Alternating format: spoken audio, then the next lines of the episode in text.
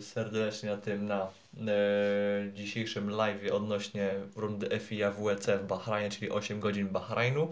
E, to będzie takie, mam nadzieję, szybkie podsumowanie właśnie całej rundy, e, całych zawodów, całego wyścigu właśnie z kwalifikacjami. No nie będziemy oczywiście wchodzili w każdą najdrobniejszą rzecz, jaka ten, jaką byśmy mogli wejść, bo to, bo to byłoby zbyt czasochłonne. Wejdźmy w miarę tak jakoś sprawnie przez kilka tematów, a mianowicie szybko sobie przejdziemy po chronologii. E, będzie słówko o każdej z klas, będzie po kilka samochodów e, w miarę krótko omówionych, e, co się tam wokół nich działo, co się złożyło na dobry wynik, co się złożyło na, niedo, na niedobry wynik, bo też e, no, jedni pojechali lepiej, inni mieli inni mieli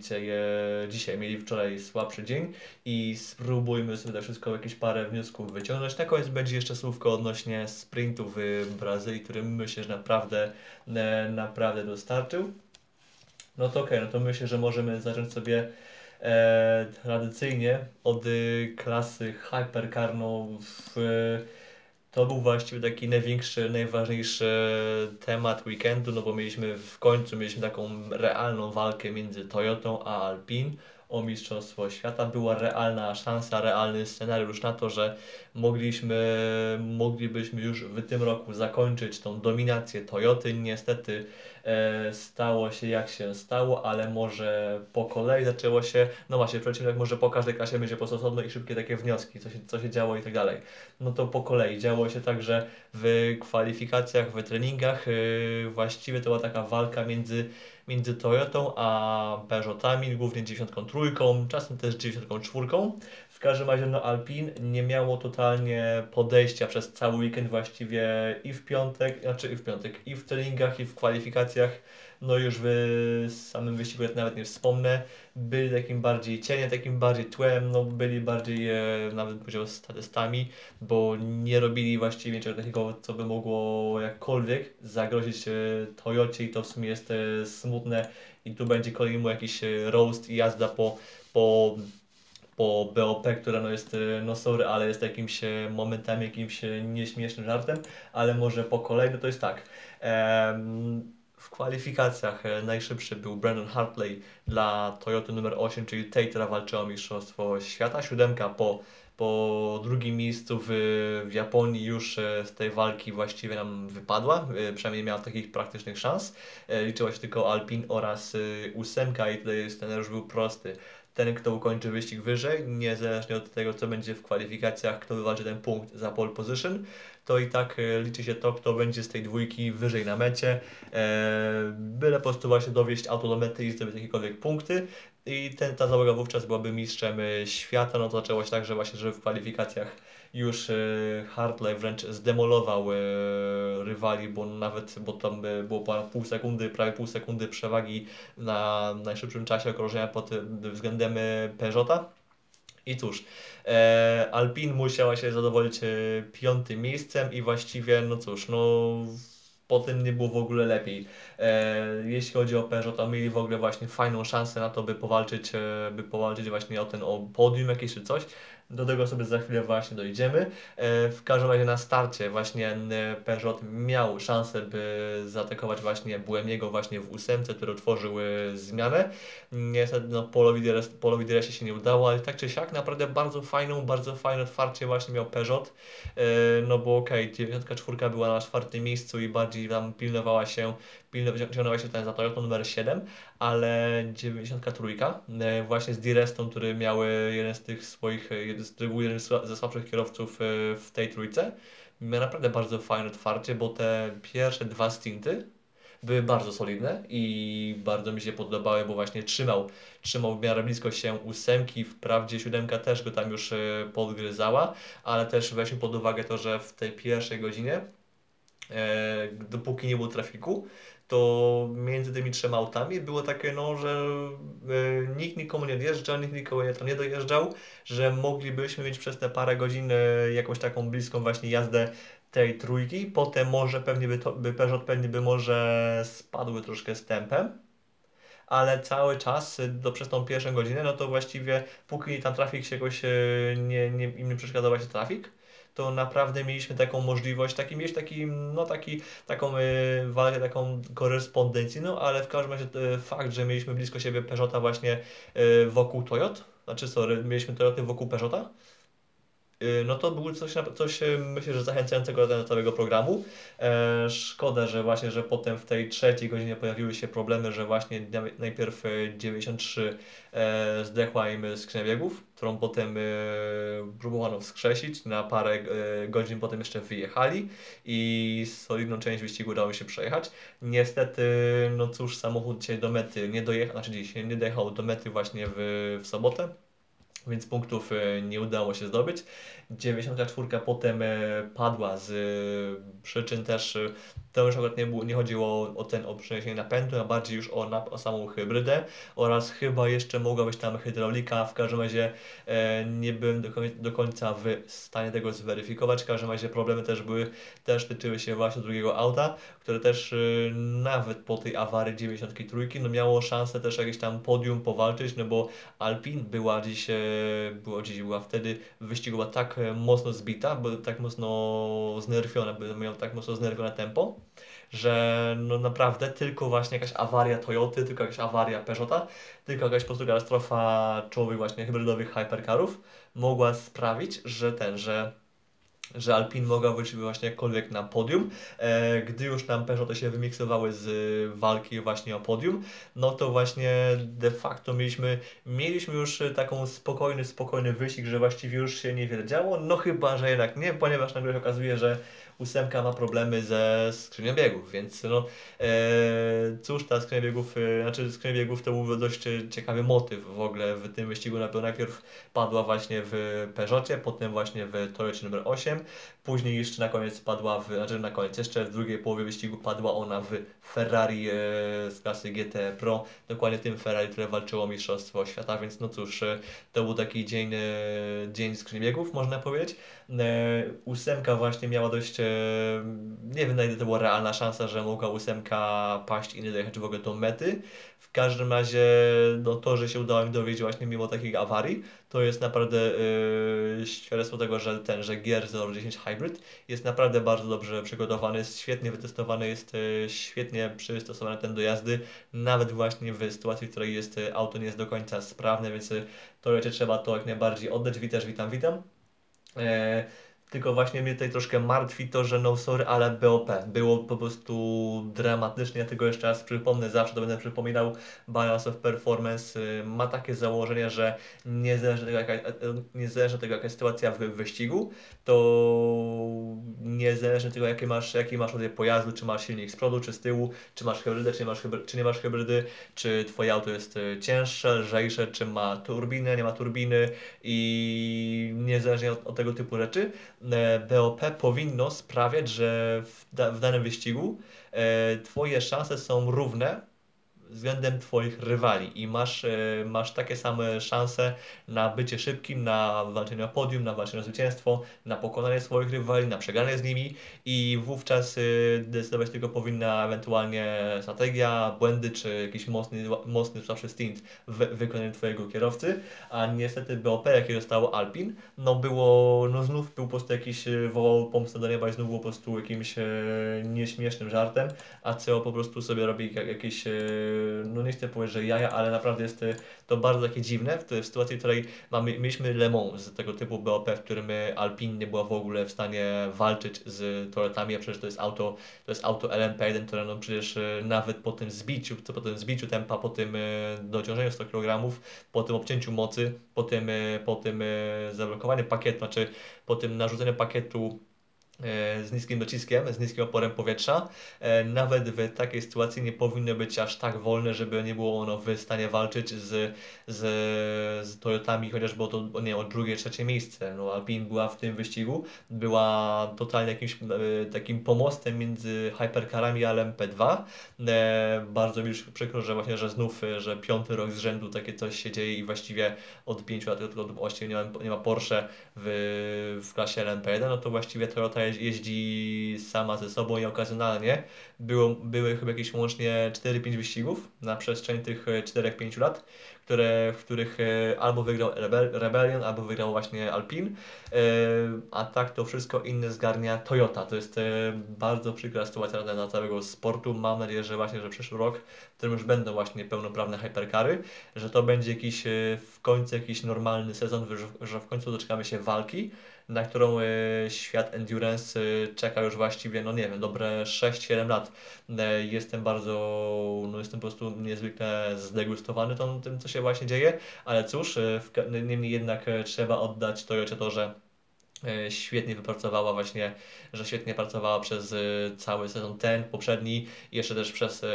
okres rozwojowy całego właśnie prototypu gier 010 Hybrid, więc mistrzostwo jak najbardziej zasłużone i tutaj do nich nie ma żadnych, nie ma żadnych zastrzeżeń, bo też, no cóż, to nie jest ich wina, że, że ACO robi takie, a nie inne rzeczy, ale cóż, yy, trudno. Kolejna rzecz jest taka, że, że, że, że, że yy, czy Peugeot mógł wygrać ten wyścig? To jest yy, takie szybkie pytanie, no wiadomo, że to jest raczej, no to jest raczej clickbait, nie będę, nie będę raczej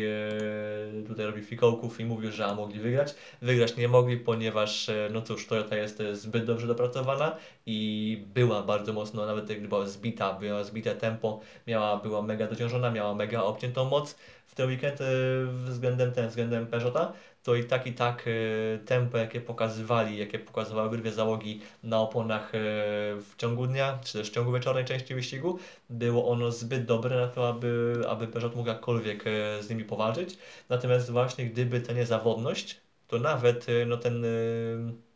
nawet ten odciążony Peugeot, nawet ta Toyota z obciętą mocą, czy z obciętą możliwością, czy z obciętym, z obciętym limitem energii na stint, jaki nałożył na, nałożył na, nich ACO y, przed tym wyścigiem, to nawet y, mimo tych wszystkich ułatwień dla Peugeota i utrudnień dla Toyoty, to i tak no to raczej to był wyścig, który, który po prostu mogła wygrać tylko Toyota, a Peugeot mógł no najwyżej właśnie mieć to drugie miejsce, ale to drugie miejsce byłoby dla nich czymś świetnym. Szkoda, że byliśmy właśnie znów pozbawieni tej właśnie no jakkolwiek tam walki. No mogliby może walczyć, nie wiem, z siódemką o obronę drugiej lokaty. To jest, to jest wszystko, ale nawet e, no, to byłoby coś. Nawet, to nawet byłoby coś e, dla nas, no bo nie ukrywajmy, ale kibice wyścigów endurance, kibice, którzy są e, w większości są też fanami pewnej klasy Hypercar, która ma, która, wokół jest krąży spory hype szczególnie przed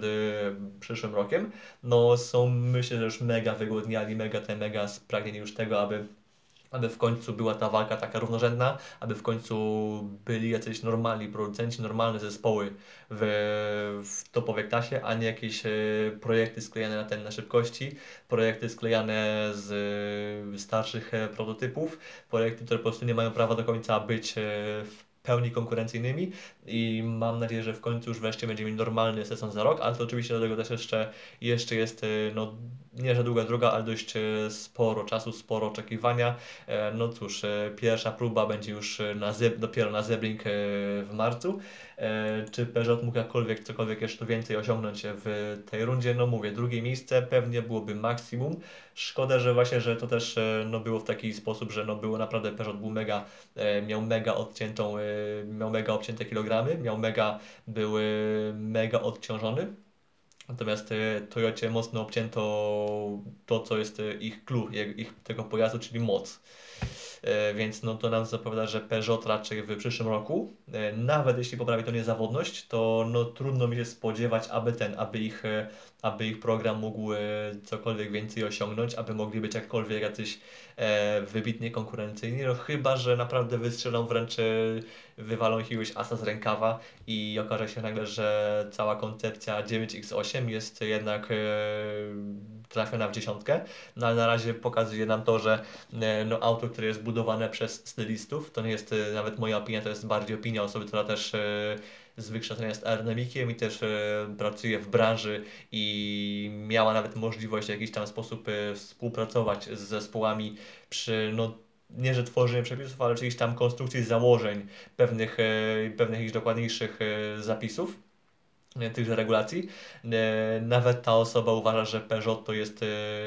bardzo taki, no w negatywnym sensie, bardzo,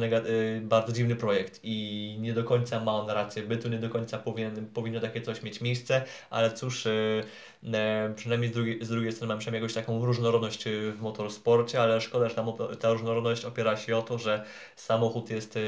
projektowany z myślą o tym, aby wyglądać, aby przyciągać uwagę ludzi, uwagę gapiów, uwagę, kibiców, e, czy to w social mediach, czy na torze, e, a nie jest zbudowany pod to, aby być e, taką rzeczywistą, taką rzeczywistą flagą marki, aby być takim rzeczywistym, dobrym powodem do dumy, aby być czymś, co przywozi wyniki, co, co czymś, co też hołduje w zasadzie wygrywamy w niedzielę, E, wygrywamy w niedzielę, sprzedajemy w poniedziałek, e, czyli win on Sunday, sell on Monday. To jest e,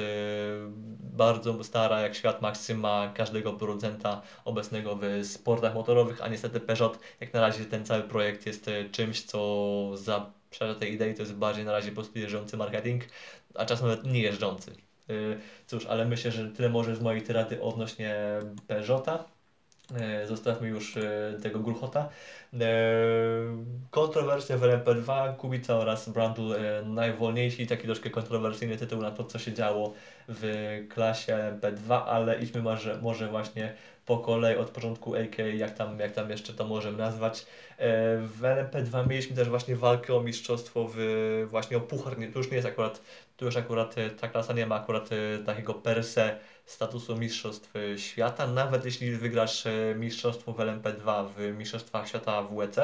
to i tak e, nie możesz nazywać się mistrzem świata, jesteś najwyżej po prostu mistrzem klasy LMP2. To jest taka od razu pierwsza rzecz i o, to właśnie, o ten właśnie tytuł walczyli w ten weekend e, czy do Jota właśnie z numerem 38, czy United z numerem 23, czy też jeszcze dwa samochody w WRT. Prema miała w ten weekend taką iluzoryczną szansę, o czym nie wspomniałem w sumie w czwartek, mieli taką mini szansę na to, aby powalczyć o mistrzostwo z takiego takim long way shot, z takiego długiego dystansu, dosłownie ponieważ e, tracili przed tą rundą około 38 punktów i gdyby zdobyli pole position do, ten, do wyścigu, to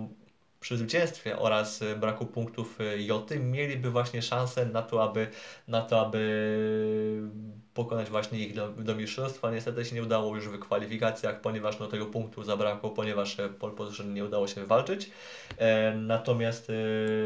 co tu jest ważniejsze? Najważniejsze jest to, że E, że na pole position nam się, nam się zameldowało WRT,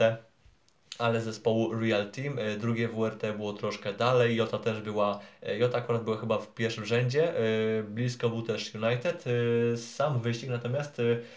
przez większą część czasu wyglądało na to, że padnie łupem zespołu zespołu United Auto Sports i oni byli naprawdę bardzo mocni, mieli naprawdę bardzo mocne tempo, e, obydwie załogi i obydwa samochody miały potężną szansę na to, aby mistrzostwo oraz, znaczy mistrzostwo, aby wyścig jak najbardziej padł ich łupem, e, ale no cóż, e, troszkę się rola odwróciły, gdy zapadł zmierzch, gdy nastała ta nocna część wyścigu. E, na to się między innymi złożyło to, że tuż e, w nocy, gdy mamy właśnie tą niższą temperaturę, gdy też jest e, tor też nie jest po prostu tak nagrzany, no to też opony inaczej pracują i nawet jeśli mamy w, w klasie, mamy wszyscy mają ten sam samochód i wszyscy korzystają z prawie tego samego sprzętu do symulacji do symulacji komputerowych, e, na podstawie których się potem e, opracowuje się strategię oraz e, wylicza się paliwo, kalkuluje się też zużycie opon, to nawet jeśli weźmiemy pod uwagę to, że wszyscy mają tu ten sam samochód i te same części podzespoły, no to jednak różnica w know-how, różnica właśnie w, w symulacjach, różnica właśnie w tego typu aspektach, w końcu różnica w poziomie kierowców, w poziomie załóg, no odegrała tutaj jak zwykle kluczową rolę i LMP2 pokazuje właśnie, że nawet jeśli masz e, ten sam samochód, to i tak jest e, cała masa sposobów na to, aby wyścig wygrać, wyścig przegrać. E, no ale jednym z, z tych czołowych sposobów jest po prostu to, żeby, żeby mieć hajs i mieć na co wydawać właśnie, znaczy aby mieć mieć e, co wydać na ten na sprzęt, który pozwoli Ci to jednak wygrać, co pokazuje, że klasa jest ok, jest e, dość fajnie zbita, fajnie przemieszana, ale też jednocześnie jest no niezwykle, niezwykle droga, o czym też e, przekonało się Inter Europol Competition. Ale może wróćmy już do samego wyścigu. No to właśnie pierwsza połowa była, była bardzo dobra, bardzo mocna właśnie w wykonaniu United Autosport. Akurat po drugiej stronie skali była, była Jota, była Jota, która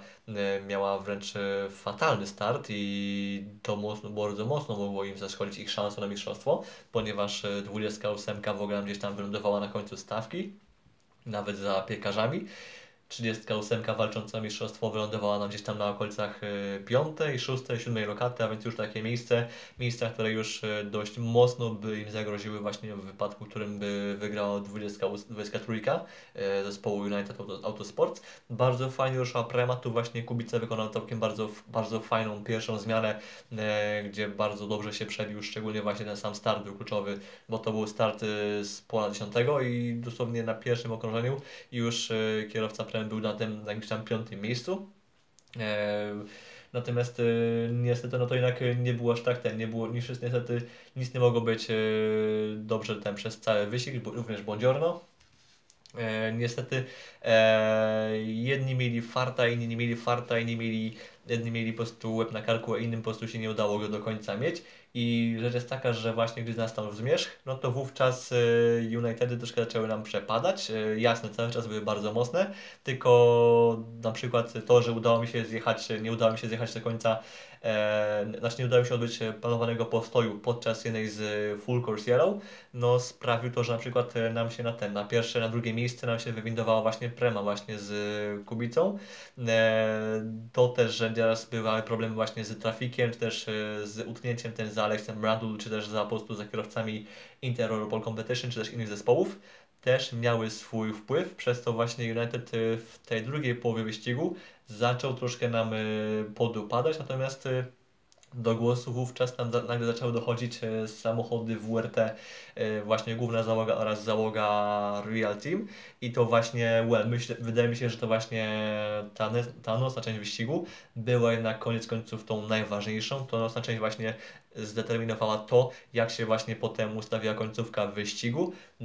Finalnie właśnie sam wyścig w klasie LMP2 padł właśnie łupem e, zespołu właśnie WRT, głównej, głównej załogi z numerem 31, e, chociaż też były dość spore kontrowersje, bo może część z Was, koja- z was kojarzy albo i nie, e, na 2,5 godziny nie. Na 2 godziny przed końcem rywalizacji René Rast zalicza kolizję z Alexem Brandl i to była bardzo kontrowersyjna sytuacja i tak najbardziej się zgodzę z, z Gacem z Eurosportu, ponieważ no cóż, okej, okay, w, wyścigach endurance, jasne, jak najbardziej obowiązują niebieskie flagi, jak najbardziej jak najbardziej to lider powinien mieć, e, znaczy w pewnym sensie ma pierwszeństwo, tylko że e, nawet jeśli masz, e, nawet jeśli dublujesz, kogo, dublujesz kogoś, to cały czas e, musisz pilnować tego, aby, e, aby ten, aby aby twój rywal, znaczy kierowca, którego dublujesz, aby on cię widział, aby te, też cały manewr był jak najbardziej przewidywalny, by też e, nie powodować zagrożenia. I tu nie ma znaczenia to, czy jesteś e, dublowany, czy ty dublujesz, czy wyprzedasz, czy walczysz o pozycję. E, to absolutnie nie ma, sens, nie, nie ma sensu, nie ma znaczenia. Po prostu musisz pilnować, jako wyprzedzający, musisz pilnować całej sytuacji, musisz nad nią kontrolować. Kierowca, który którego atakujesz, lub też dublujesz, on tylko musi jechać przewidywalną linią jazdy i nie może robić niczego niczego nieprzewidywalnego. Natomiast w sytuacji, jaką mieliśmy właśnie wczoraj między Rastem a, a Brandlem, no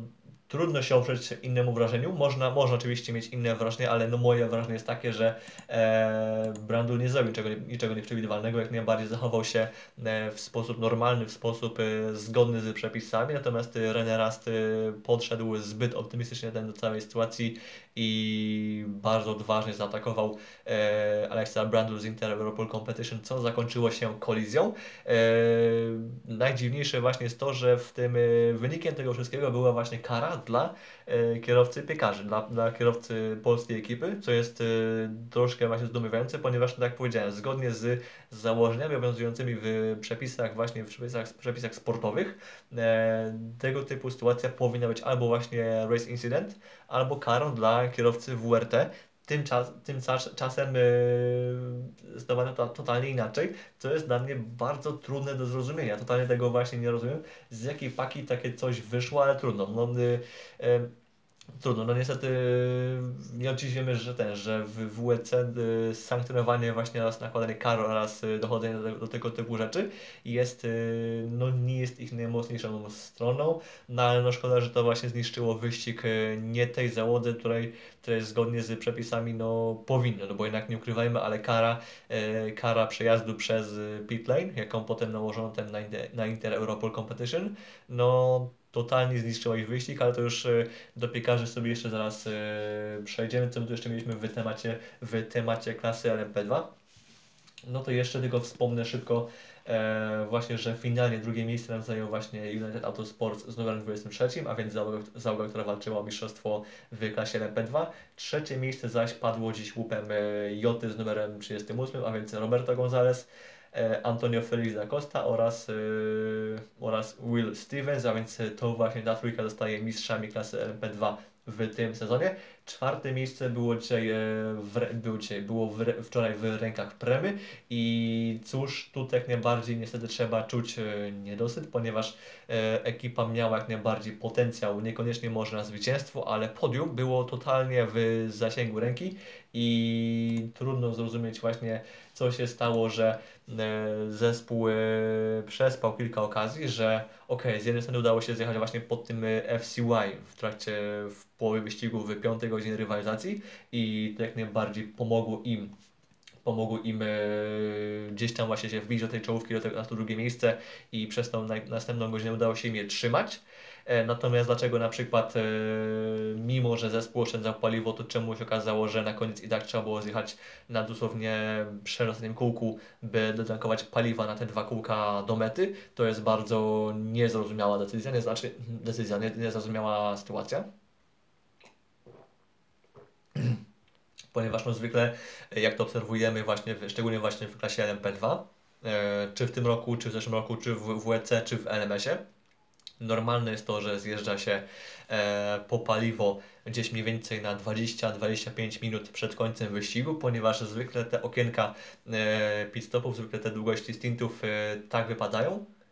że jeśli nie ma jakiejś dłuższej przerwy w rywalizacji, jakiejś dłuższej czerwonej flagi, jakiejś dłuższej, e, dłuższego safety gara czy dłuższego FCY, to zwykle wychodzi tak, że e, właśnie te 25 minut, 20 minut przed trzeba tankować e, na ten, na taki pół stint, na taki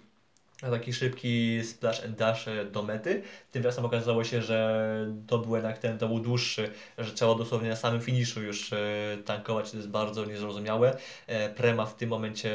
przegrała właściwie pewne podium, mimo że właśnie, że zespół podobno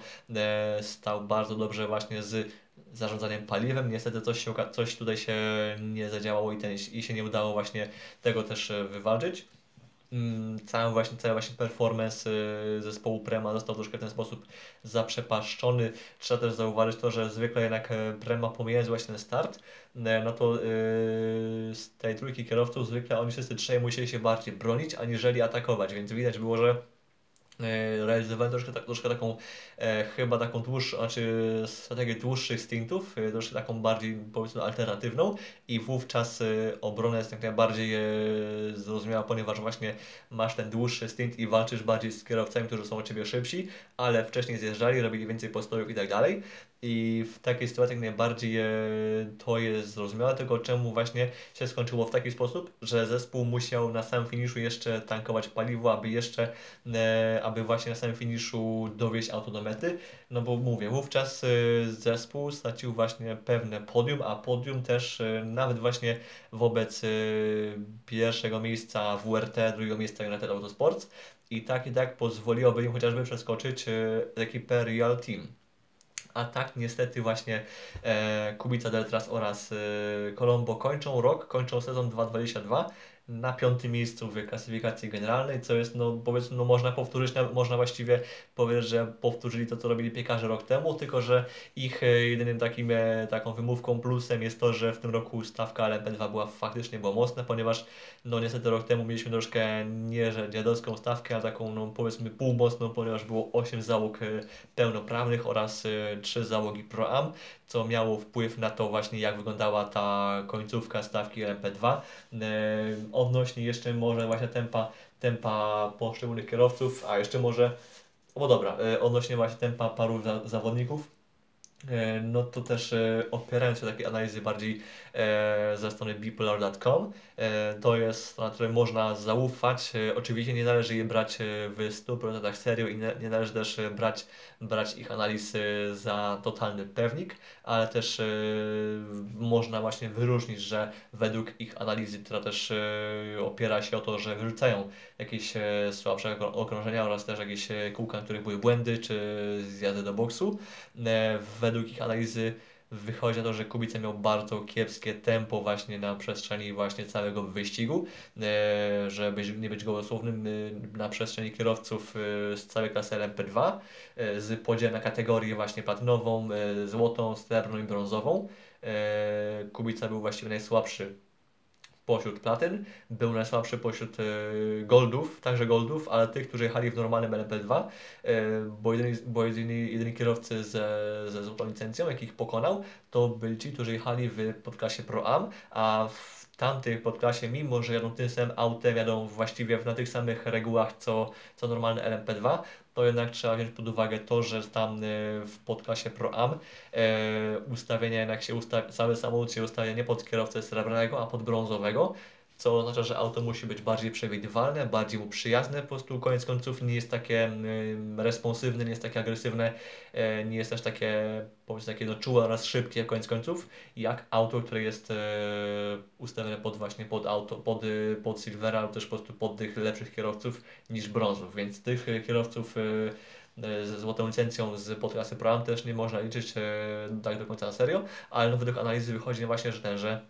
że pan kierowca był właśnie najsłabszy właśnie pośród e, platyn oraz normalnych, oraz normalnych e, goldów, co jest troszkę zaskakujące, ponieważ mieliśmy wyścigi w tym roku, w których e, Kubica był chociażby, nie wiem, czwarty w ogóle w, w zestawieniu LMP2, w zestawieniu stintów. Bywał właśnie czwarte, piąte miejsce, właśnie nawet wśród platyn, czy nawet właśnie nawet włączając to goldy, było, było na tym czwartym, piątym miejscu, gdzie w stawce mamy około mamy tych kierowców z platynową oraz złotą licencją, jest ich, jest ich około tam e, 20 paru, no bo mamy właśnie e, 12-13 aut w stawce, więc każde auto ma po dwóch takich kierowców i jednego właśnie tego silvera lub też brąza, e, no to w takiej sytuacji no to jest e, bardzo zaskakujące, ponieważ no z kolei tyle tras był gdzieś tam w czołowej dziesiątce, czyli no był w tej pierwszej e,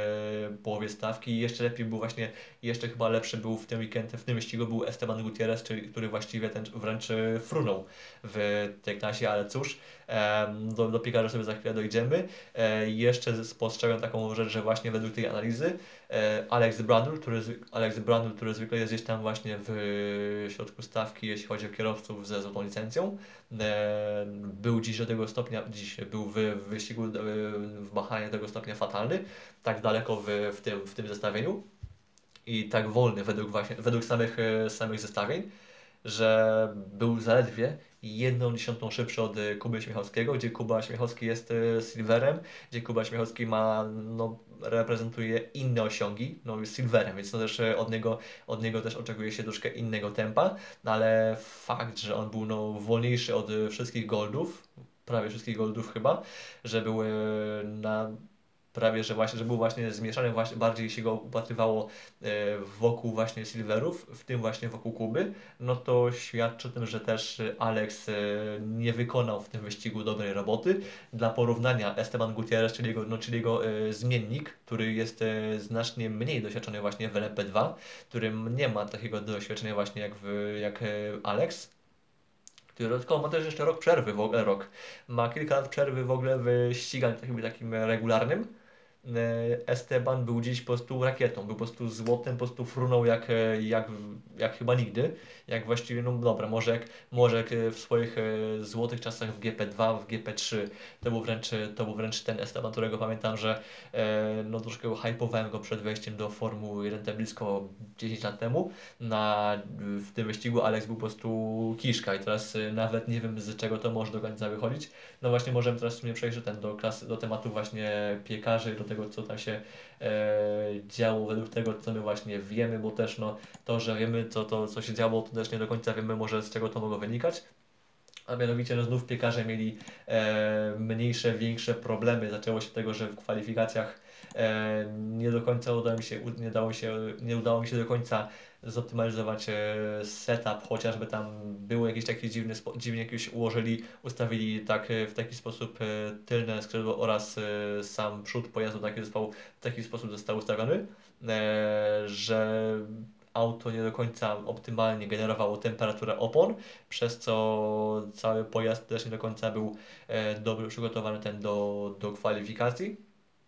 No bo przez to, że właśnie, że opony nie były dobrze przygotowane, no to też e,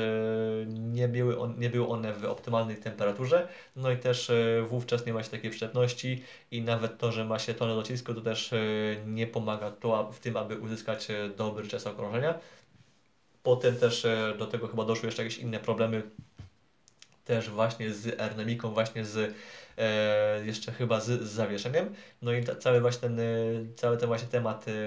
e, setupu sprawił, że właśnie auto było e, właściwie chyba drugim najwolniejszym w stawce w samych kwalifikacjach, no bo byli dosłownie chyba na końcu, na końcu stawki chyba zanim już tylko było co, był chyba już tylko Ultimate. No tak, właściwie no w, więc w tych kwalifikacjach e, pokonali tylko właściwie Ultimate'a, gdzie Inter-Europol Competition E, nawet no, jeśli mamy taką stawkę, jaką mamy, to jest mega mocna obecnie w LMP2, no to nawet w takiej sytuacji powinien być w stanie gdzieś tam walczyć jakieś dziesiąte miejsce, jakieś ósme miejsce e, na starcie, a dziś byli dziś. No, e, w tej sesji było miejsce 12, więc już e, takie dead last. Sam start w wykonaniu właśnie Kuby Śmiałowskiego był całkiem fajny, całkiem solidny, ponieważ udało, udało mu się tam wbić do tej pierwszej dziesiątki już na koniec jego właśnie pierwszego z tych dwóch stintów. Natomiast całą potem pracę, e, jaką udało mi się wykonać, e, znaczy cały awans, jaki potem mi się udało wykonać e, w kolejnych godzinach, no głównie zawdzięczają chyba właśnie Stefanowi Gutierrezowi, e, no bo okej, okay, Alex Brandul jakoś tam doszusował do tego miejsca dziewiątego, ale potem e, momenty, w których mieliśmy Esteban, mieliśmy załogę na miejscu ósmym, siódmym, chyba momentami przed zjazdami nawet było miejsce jakieś tam szóste, piąte, to było wszystko głównie e,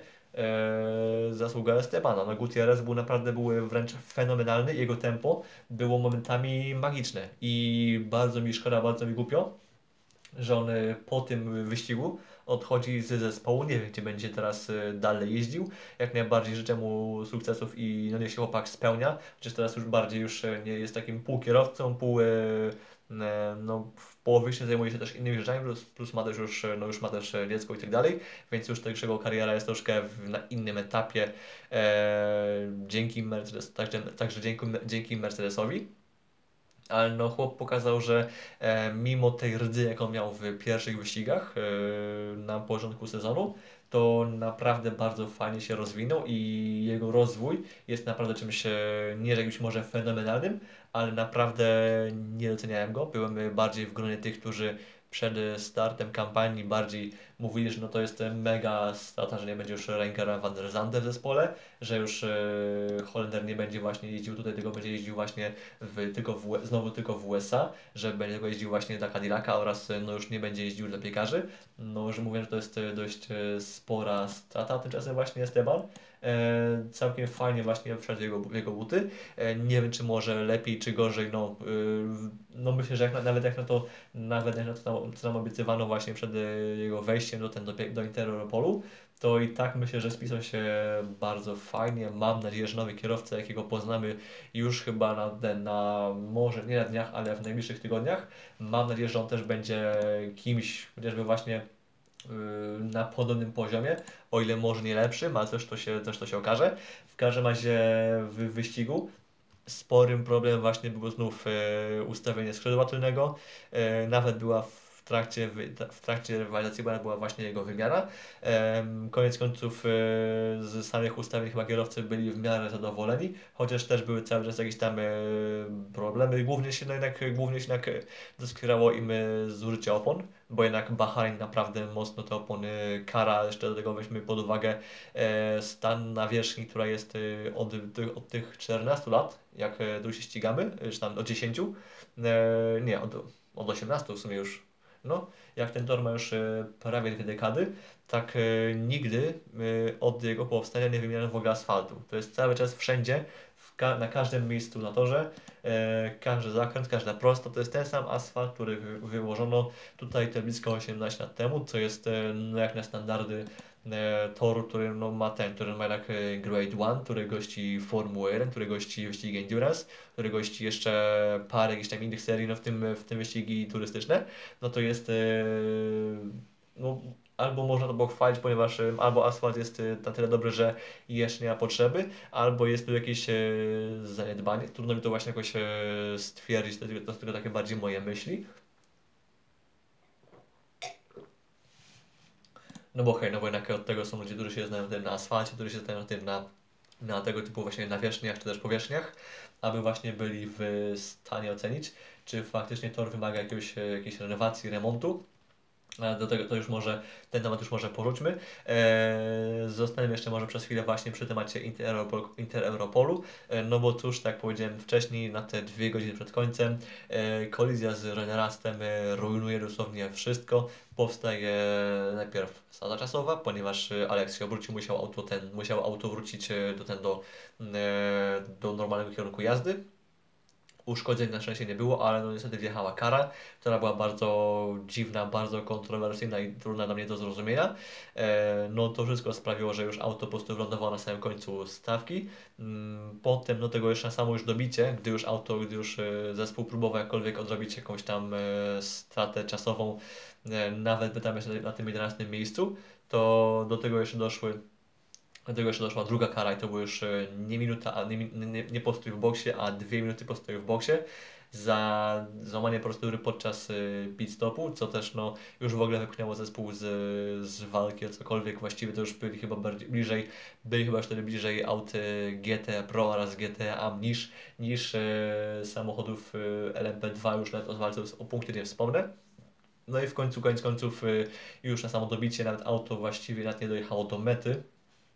bo okazało się na samym końcu, że e, jest problem z jednostką napędową, że jest jakaś awaria i samochód po prostu trzeba było wycofać. E, nie wiem, czy tutaj była wina bardziej po stronie zespołu, czy może jednak po stronie Gibsona. Pamiętajmy, że e, w LMP2 wszyscy mają ten sam właśnie silnik marki Gibson i z jego serwis odpowiada głównie właśnie sam, sama marka, że właśnie e, zespół samego serwisu jako tako nie dokonuje, najwyżej pod e, okiem, pod okiem właśnie producenta, przy ich właśnie, ich, e, przy ich właśnie obserwacji, najwyżej można dokonać jakichś tam prostych e, prac takich e, utrzymaniowych pod, typu, typu wymiana filtra, typu nie wiem, wymiana jakiejś uszczelki, i tego typu pierdol, natomiast e, cały serwis, jaki, wykonuje, jaki jest wykonywany wokół silnika po jakimś tam dystansie, który, e, którym pokona, no to właśnie wykonuje sam Gibson właśnie już e, w swojej, w, we własną, własną rękę i tylko po tym ten silnik zostaje tam jakoś znów wrzucony do puli, do puli silników i jeśli ekipa właśnie skończy jakiś, skończy właśnie, przekroczy jakiś dystans na tym silniku, no to potem ten silnik się im zabiera i daje im się nowy i jak najbardziej wszystko wskazuje na to, że, wina musiała być chyba po stronie Gibsona, ale też właśnie po stronie żywotności, jaką pewnie przekroczono. Nie wiem, nie mam pojęcia. W każdym razie no szkoda, że nawet e, tego się nie udało właśnie wykonać, nawet nie udało się ukończyć zawodów, no bo jednak to jest zawsze jakieś tam, no e, parę kółek więcej, ale zawsze jest to jakieś tam, jakaś tam informacja do, znaczy jakaś taka e, statystyka, że udało się ten, ten wyścig ukończyć. A tak nawet, no cóż, nawet nie ma tego, już pomijając to, że, to, to, że nawet nie ma punktów na mecie, które no by im się no, przydały, no bo jednak walka z Richard Racing o to tam dziewiąte miejsce, no zawsze to byłoby coś i cóż, nie udało się nawet tego osiągnąć. E, odnośnie kasy LMP2 myślę, że to będzie wszystko, tylko oczywiście jeszcze informacja. E, cóż, żegnamy po tym roku RC Bratysława. E, sympatyczny słowacki zespół wróci na pewno do LMP2 w LMS-ie. Będą pewnie jeździli w ASLMS-ie, w LMP2 oraz lub też LMP3. No i pewnie będziemy też ich jeszcze oglądać gdzieś tam w seriach GT, w tych bardziej środkowoeuropejskich. Natomiast w, samym WEC z przyczyn finansowych Brasburg budżet, no to ich nie zobaczymy. E, szkoda, szkoda, no cóż, zawsze jakiś koloryt nosimy do stawki, ale no, z drugiej strony wolę mieć, e, wolę, abyśmy mieli stawkę bezpieczną niż, e, niż kolorową. No bo jednak no, ta, ta, ten koloryt się troszkę e, odbijał kosztem właśnie tego, że w stawce, gdy Miro Konopka zasierał, staw, zasierał samochodu, no troszkę się robiło groźnie, szczególnie gdy się jeździło autem GT. A skoro mówimy o autach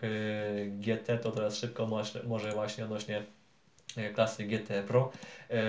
tu też mieliśmy oczywiście rozstrzygnięcie e, finałowego już tytułu mistrza świata GT dla producentów oraz dla kierowców GT.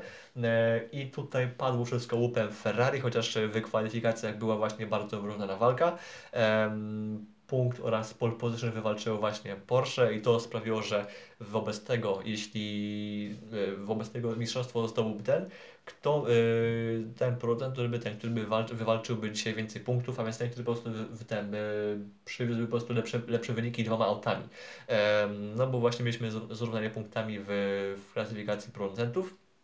No i cóż, początek był jak najbardziej dobry ten dla Porsche, no bo mieliśmy wręcz dublet yy, przed dwójką Ferrari i, samą, i samotną Corvette. I naprawdę to bardzo fajnie dla nich, obiecująco dla nich wyglądało, że e, no, odbiją się za zeszły rok, że rok temu już nie udało po dość kontrowersyjnej sytuacji, ale w tym roku się może coś tam uda się wywalczyć. wywalczyć. A tu cóż, okazuje się, że nie bardzo, ponieważ e, po tych tam 45 minutach nagle nam e, Porsche nie, że zdychają, ale no to Ferrari po prostu zaczyna przyspieszać i nagle e, Ferrari zaczyna po prostu żyć i jeździć i po prostu zaczyna pruć e, przez czołówkę właśnie klasy GT Pro. I mamy po tej pierwszej godzinie mamy już duet Ferrari na czele. E, i przez najbliższe parę godzin to było właściwie jedyne co się działo właśnie w walce Mistrzostwo Świata. I jedyną rzeczą było jaką, my, jaka to nam się jeszcze wydarzyła w tym czasie no to było to, że nam się Corvette nagle obudziła, ale nie dzięki tempu, a dzięki temu, że e, tak się udało przedłużyć e, swój stint i tak zaoszczędzić paliwo, że ich e, pierwszy postój w ciągu wyścigu był, miał miejsce dopiero pod, podczas e, Full Course Yellow. E, full Course Yellow to było wywołane chyba szczątkami na to, że po awarii, po awarii, po kolizji w Corse z w Corse, któregoś Ferrari z GTA z, z załogą Ultimate z klasy LP2 i na tym bardzo skrzętnie skorzystał właśnie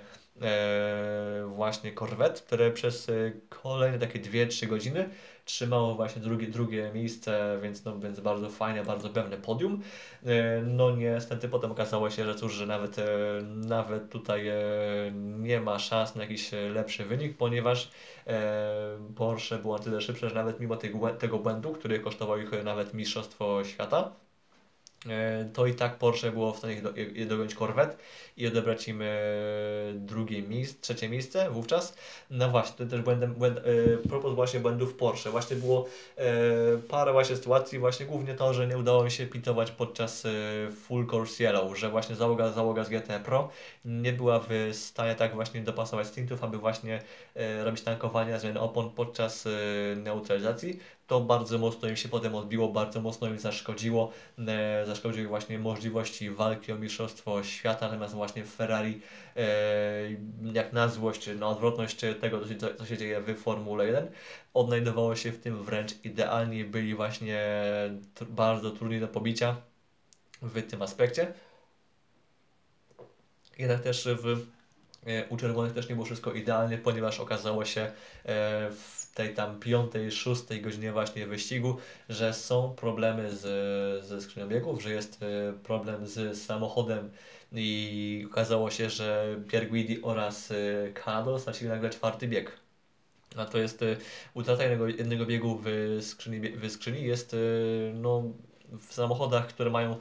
tylko skrzynię sekwencyjną, znaczy półautomatyczną, czyli z opadkami, to jest e, bardzo niepożądana rzecz i bardzo mocno to, to utrudnia pracę. E, chyba Antonelli Coletta czy też ktoś inny, ktoś inny wysoko postawiony w programie po wyścigu powiedział, że e, realnie była realna szansa na to, że niestety auto może nie dojechać. Na szczęście samochód udało się doprowadzić, tylko dość takim no, wręcz żółwim tempem jak bardzo żółwim. E, by dać Wam taką, taką, e, takie porównanie, no to w klasie GT Pro e, te takie czołowe czasy okrążeń kształtują się na poziomie minuta 58, 59, to były takie najlepsze czasy okrążeń, takie topowe kółka, jakie można zrobić nawet z ciężkim paliwem, czy, pali, ciężkim paliwem, z pełnym bakiem. Można taki czas okrążenia wyrwać. Najlepszy czas kółka, najlepsze kółko w ciągu wyścigu właśnie należało do, ten, do, do EF Corse, właśnie Pierguidiego oraz Kado i to był czas na poziomie minuta 57 i 90. Natomiast po awarii skrzyni samochód nagle jechał 10 sekund wolniej czyli dosłownie pokonali chyba tylko tak, byli tylko o jedno kółko wyżej niż, yy, niż, niż, ten, niż samochód yy, zwycięski w GT AM. E, najszczęściej, jak na ich szczęście, w, nawet e, wobec awarii skrzynibiegów, dopóki byli w stanie jechać w wyścigu, to ratowało ich to, że na pierwszym miejscu był, była bliźniacza załoga, plus drugie miejsce należało Corvette, a więc póki Porsche nie było w stanie przebić się na drugie miejsce, Porsche z Christensenem oraz z Tendim, no to właściwie tytuł ich był bezpieczny. I w takiej sytuacji, w której właśnie Ferrari, e, drugie Ferrari wygrało, a Corvette była na drugim miejscu, to właśnie trzecie miejsce e, Porsche oraz czwarte miejsce raz, że nic im nie dawało w, w klasyfikacji kierowców, dwa, że w klasyfikacji producentów też e, nic im nie dawało i tym samym Ferrari właśnie na, e, na odchodne, na, znaczy na, na odchodne, na koniec ery GT Pro wyrwało, a właściwie obroniło Mistrzostwo Świata producentów oraz kierowców, no bo rok temu też mieli właśnie, wywalczyli ten sam duet kierowców, też wywalczył Mistrzostwo Świata właśnie kierowców oraz producentów, tylko w takich bardziej no, kontrowersyjnych, e, wręcz smutnych okolicznościach, no ale to już e, o tym już mówiłem rok temu, o tym już nie będę tego już będę, nie będę już do tego wracał, bo to była bardzo, bardzo taka smutna i niefajna sytuacja. E, w końcu, dobra, co my tu jeszcze mamy? Chyba mamy jeszcze, mamy jeszcze GTA, tak jest, mamy jeszcze GTA i tu będzie dosłownie tak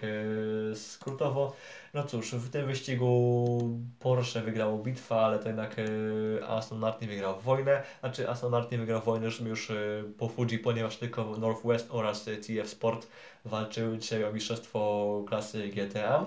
E, finalnie właśnie to Ben Keating e, oraz Marco Sorensen wywalczyli mistrzostwo w tej klasie. Hugo, e, Henryke Chavez, który jest ich e, trzecim kierowcą, no w teorii no w teorii Michel nie był, ponieważ nie jechał w jednej rundzie i punktów e, przez to nie zdobył. Ale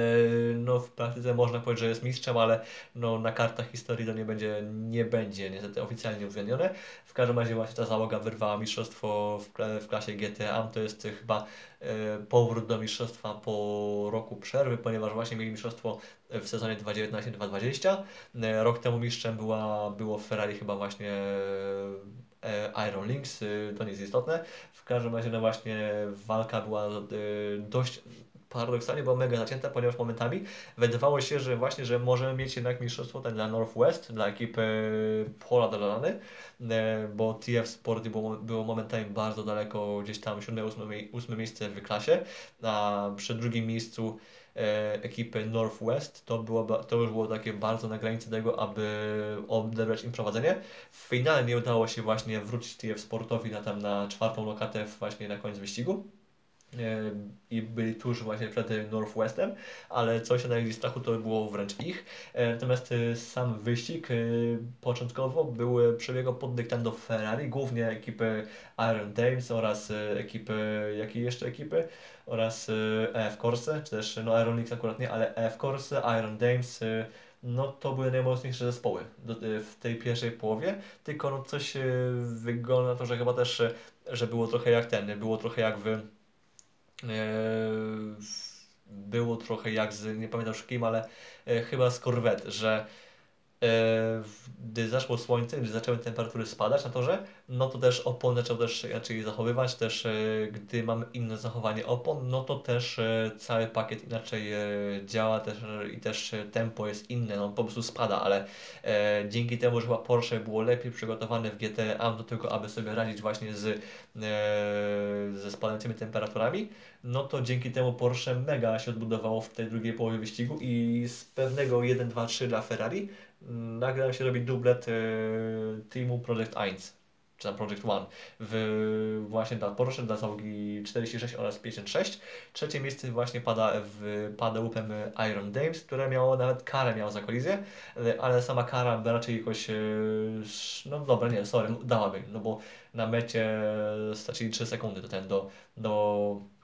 do zespołu, do, ten, do zwycięzców, znaczy do, ten, do drugiego miejsca stracili 3 sekundy, a do wygranych yy, stracili już blisko 20 sekund, więc to jest, yy, to jest już yy, spora przewaga i nawet samo drive-thru tu już yy, sporo zmieniło. Więc szkoda, że damska załoga nie, udała, nie zdołała wygrać wyścigu na sam koniec sezonu. Yy, bywały podia, bywały, ten, bywały sukcesy też w LMS-ie, ale tak czy siak, no nawet mimo tego, no mogą być, raczej panie mogą być dumne z tego, że to się im udało osiągnąć. Eee,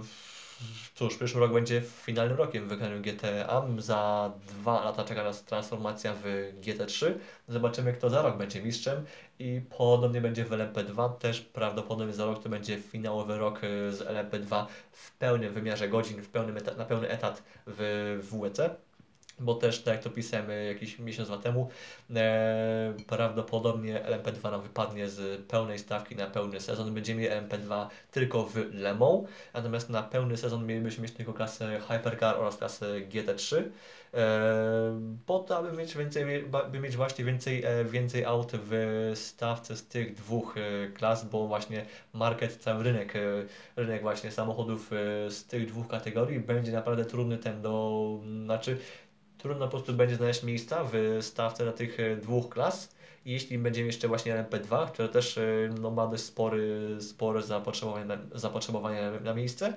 na przykład LMP2 można właśnie ten, e, ograniczyć, ten, ograniczyć ten do LMS-u, do, do samego Le Mans oraz do IMSA Sports Car Championship, czy, ten, czy też do ASLMS-u, więc wygląda na to, że, na nie, że niedługo poznamy właśnie decyzję ACO w tej sprawie. No cóż, to był piękny sezon w WC, nie zapomnę go nigdy, też się mega cieszę, że udało też mi się na parę rund e, wyjechać. E, w przyszłym roku plan jest taki, by też pojawić się na wszystkich e, czterech rundach europejskich, a więc w Portimao, Spa, Le oraz Monzy. Jaki, jaki to będzie, jaki, jak to się finałowo wyjdzie, to się okaże. Skończymy już może temat, skończymy już temat WC oraz sprintu sprint oraz, e, znaczy skończymy właśnie temat WC, właśnie przejdźmy na szybko do, ten, do samego sprintu, który po raz pierwszy w tym sezonie padł łupem George Russella, ale też w takich bardzo troszkę dramatycznych okolicznościach, bo też mieliśmy bardzo dramatyczne kwalifikacje których Russell sam sobie nabłaganił, wylatując z toru e, i dzięki temu pole position e, niespodziewanie do tego sprintu wpadło w e, ręk upem Magnusena, co było bardzo, bardzo, bardzo komiczne, szczególnie biorąc pod uwagę to, że Ferrari też troszkę się, ten, troszkę się tam wygłupiło. Oczywiście już w sprincie już tak wesoło dla Hasa nie było, to by tylko miejsce ósme oraz jeden punkt, który za to się przyznaje. Natomiast dublet y, wywalczył, znaczy y, pierwsze oraz y, trzecie miejsce wywalczyło, wywalczył Mercedes, między, między innymi był Sainz, ale Sainz ma dzisiaj karę startu z dalszej części stawki za wymianę silnika. Well, walka między, między Verstappenem a Russellem była wręcz przekozacka, była po prostu wręcz piękna. Interlagos pokazało nam, że, że sprinty mogą być serio interesujące. Rok temu mieliśmy świetną szarżę Hamiltona przez stawkę, w tym roku mieliśmy, w tym roku mieliśmy, wczoraj mieliśmy świetną szarżę e, Russella, e, Schumachera z końca stawki też na miejsce 12, bo też się Schumacher bardzo fajnie przebił. E, mieliśmy świetną walkę właśnie Russella z Verstappenem, mieliśmy też kontrowersje między Astonem Martinami oraz między Alpinami. Tam się sporo działo, szczególnie właśnie na tych pierwszych okrążeniach, bo mieliśmy chociażby kolizję właśnie między Alonso a Konem. Mieliśmy też prawie kolizję między Strollem a Fetelem. Cóż, no Stroll pokazał znów, że E, on chyba lusterek troszkę się boi i nie bardzo nie patrzeć. E, z kolei w Alpin mieliśmy też e, dwa bardzo niefortunne kontakty, bo najpierw mieliśmy kontakt wywołany przez Okona, potem jeszcze Okon też e, został troszkę najechany przez Alonso na głównej prostej. E, koniec końców e, wynik jest taki, że, ani, że Alpine było bez punktów, niestety. Do tego też obydwa auta startują z końca stawki do wyścigu. No i cóż, jeszcze do tego wszystkiego dochodzi kara na Alonso oraz dość spory hejt, jaki się wylał na Alpin. I tutaj pomijając już sam, sam wyścig sprinterski, muszę pochwalić to, że Alpine dało bardzo mocne oświadczenie właśnie w tym temacie, że mm, od razu bardzo jasno nagłośnili sprawę, że hej, no, że jednak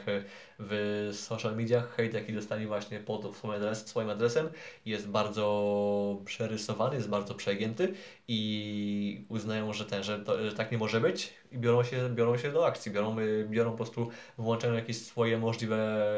środki w tej sprawie i podejmą właśnie kroki prawne, czy prawne, podejmą jakieś kroki wobec właśnie osób, które, które y, tego typu rzeczy pisały, które tego, tego typu rzeczy robiły. To jest bardzo fajne, bardzo mocno zostaje w kontrze, w kontrze do tego, co robi Liberty Media, oraz FIA, czyli puszcza oświadczenia jedno za drugim, bo to jest na razie, na razie FIA oraz Liberty Media tylko właściwie puściły jakieś tam e, dwa oświadczonka i to jest, to jest wszystko. E, takich realnych e, działań brak.